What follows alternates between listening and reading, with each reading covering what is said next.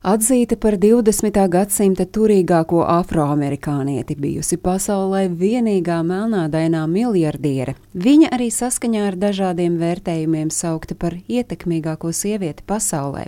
Opra Vinfrija ir viena no nedaudzām slavenībām, ko nepārspīlējot var dēvēt par amerikāņu televīzijas dievieti.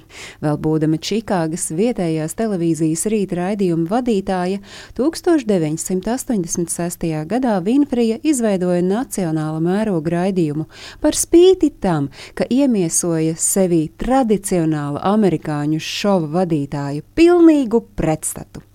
Opras Vinfrijas šova pirmā sērija ēterā izgāja 1986. gada 8. septembrī un to pārraidīja visā Amerikā.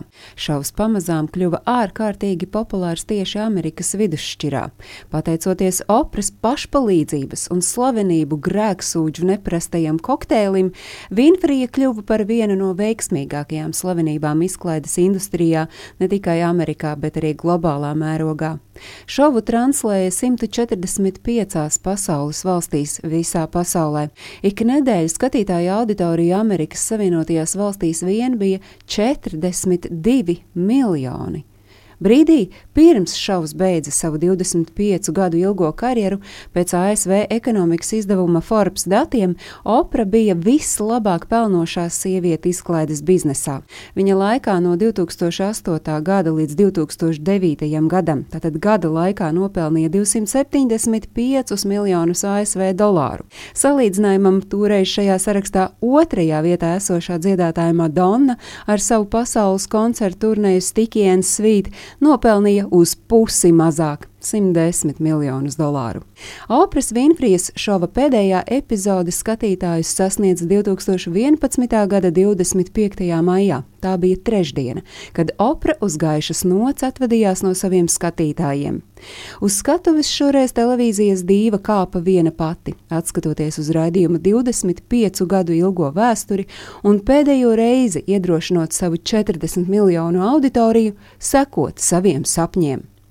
Katram no jums ir pašam sava skatuve, sacīja Vinfrija savā noslēguma šovā, ko televizoros vēroja miljoniem amerikāņu. Jūsu skatuve ir tur, kur esat jūs. Tā ir jūsu skatuve, jūsu ietekmes lokus, jūsu sarunu šovs.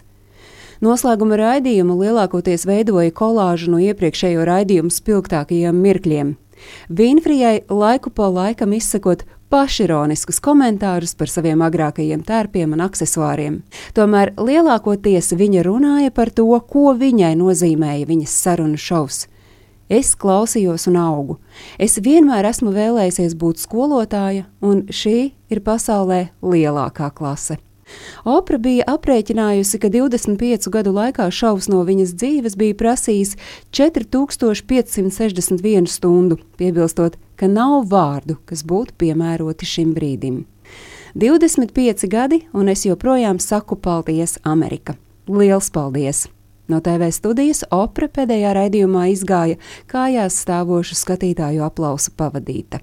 Tikmēr dažus gadus vēlāk parādījās ziņa, ka opera Vinfrija pārdod studiju Harpo studijos Čikāgā, kurā tika ierakstīts viņas populārais sarunu šovs.